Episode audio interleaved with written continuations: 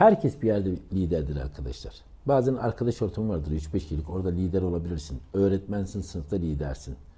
Bir babasını evde lidersin, annesini evde lidersin. Herkesin bir lider olduğu ve birilerinin arkasından sürüklediği bir taraf, birilerinin etkilediği bir taraf vardır. Asıl lider, mükemmel lider, olağanüstü mükemmel lider nasıl olunur bilmek ister misin? Kitleleri arkandan sürüklemek ister misin? İrtibatta olduğun kişilerin hiç yanından ayrılmamasını ister misin?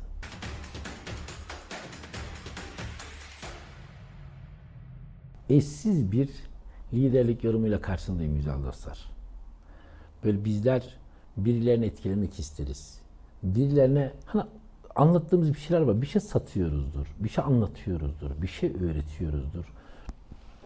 Veya kendi ailemize, kendi çevremize bir şey sunmak isteriz ve isteriz ki onların ben onların güzelliği için çalışıyorum.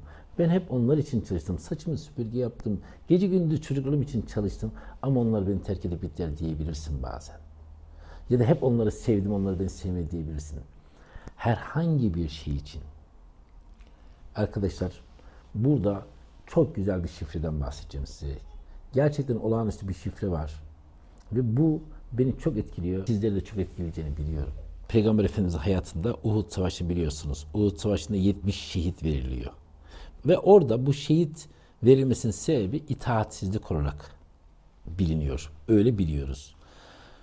Orada e, tepeye peygamberimiz okçular yerleştirmiş. Okçular derken arkadaşlar onlar bugünün şey gibi böyle keskin nişancısı gibi. Tepede okçular var. Efendimiz onlara diyor ki arkadaşlar bizler öldürülsek ve etimizi kuşlar yiyor olsa da siz yerinizden ayrılmayın diyor. Onlar da sonra tabii ilk başta arkadaşlar mesela Uhud Savaşı'ndan önce Bedir Savaşı var ya herkes mutlak bir itaat içerisinde olduğu için mükemmel bir başarı elde ediliyor. Aynı durum Uhud Savaşı'nda da oluyor aslında. Uhud Savaşı'nda aynı başarıyı elde ediyorlar aslında.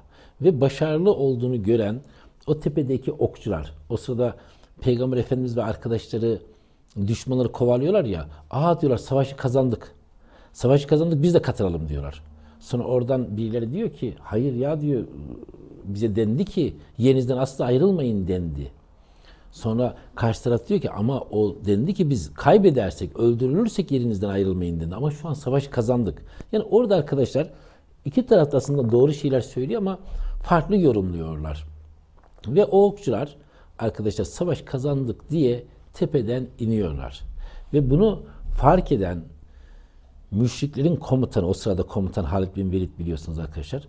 Görüyor ki okçular yerinden ayrılmış ya arkadan dolanıyor. Tepenin arkasından dolanıyor ve e, o savaşların bir cehennem yerine dönüyor.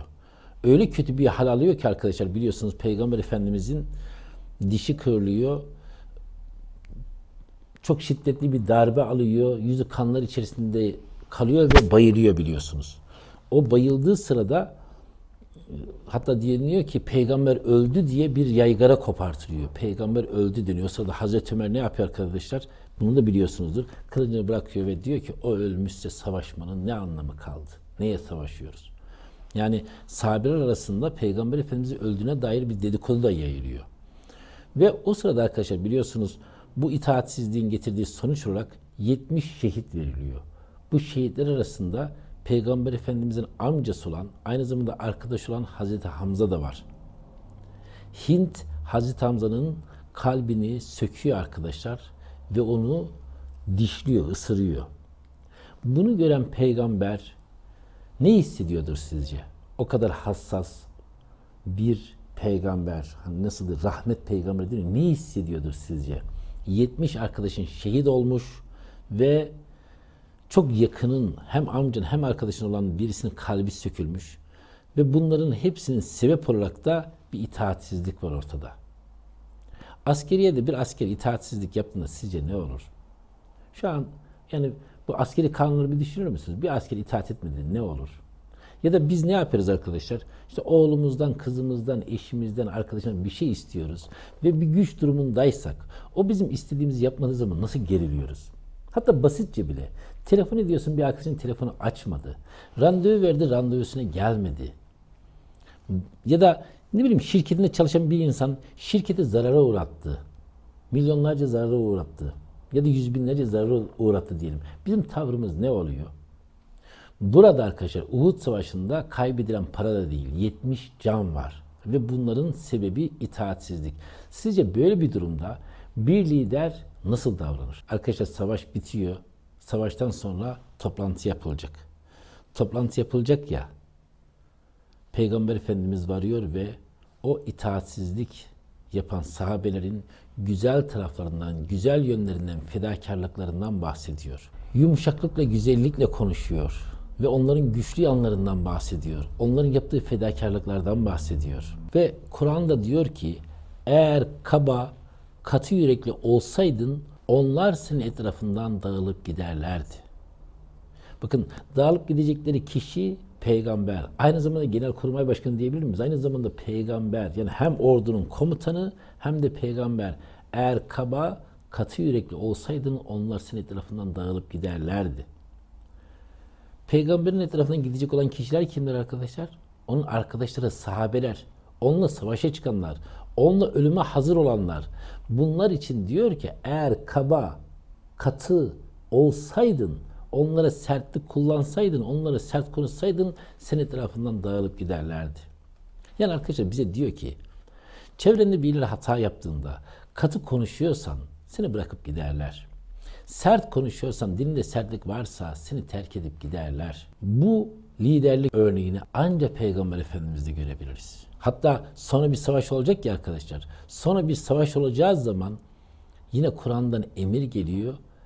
O yeni yine savaş olacağı zaman, yeni bir savaş olacağı zaman Peygamber Efendimiz o itaatsizlik yapan kişilerle istişare yapıyor. Onlarla toplantı yapıyor. Onların fikirlerini alıyor. Bizler nasıl yaparız? İyi bir lider olmak için de ne yapıyoruz arkadaşlar? Ya şöyle diyebilir miyiz? Yani iyi bir aşçı olacaksın, bir aşçıyı taklit edebilirsin değil mi? İyi bir şoför olacaksın, iyi bir şoföre taklit edebiliriz değil mi? İyi bir lider olmak istiyorsak Peygamber Efendimiz model olarak duruyor. Güzel dostlar biliyorsunuz kutsal kitabımızda güzel söz üzerine, yumuşaklık üzerine pek çok ayet vardır. Güzel söz söylemek ve lider, gerçek lider olmak istiyorsak çevremizdeki insanlar hata yapsa bile güzellikle, yumuşaklıkla davranıyor olmak. İşte gerçek lider. Sana itaat etmemiş savaşçı okçular bunlardan dolayı 70 şehit vermişsin ve onların karşısına vardığında hiç hatalarından bahsetmiyorsun. Eski insanlarda, atalarımızda, babalarımızda bu tür özellikler çok fazlasıyla vardır değil mi? Ve bize düşen şey gerçek liderlik dersini gerçek liderden almak. Hani mükemmel pilot olmak istiyorsan, usta pilot, uzman pilot olmak istiyorsan uzman pilottan ders almamız lazım. Şimdi gerçek lider orada var ve hani bundan önce belki bahsetmiştim. Bir gün arkadaşlar babamla eve doğru yürüyoruz. Eve doğru yürüyoruz tarlanın içerisinden. Sonra babam yolu uzatacak bir şekilde başka bir yola saptı. Ben dedim ki baba niye buradan gidiyoruz? Oğlum dedi görmüyor musun dedi tarlaya bir inek girmiş. Ve sahip arkasından koşuyor. Bizi görürse de utanır, mahcup olur. Babamdan aldığım en güzel derslerden biriydi bu arkadaşlar. Ve bununla alakalı yani hani e, bilirsiniz duygusal bank hesabımız var ya dostlarımızla, çocuklarımızla, eşimizle, çevremizle bir duygusal bank hesabı oluşturmanın en kestirme yollarından birisi bir insan hata yaptığında farkına vardığında, hata yaptığı farkına varmışsa onu görmezden gelmek. Şimdi güzel dostlar, usta pilot olmak istiyorsan uzman bir pilottan ders alman ya da uzman bir pilotu onun onu modellemen gerekir.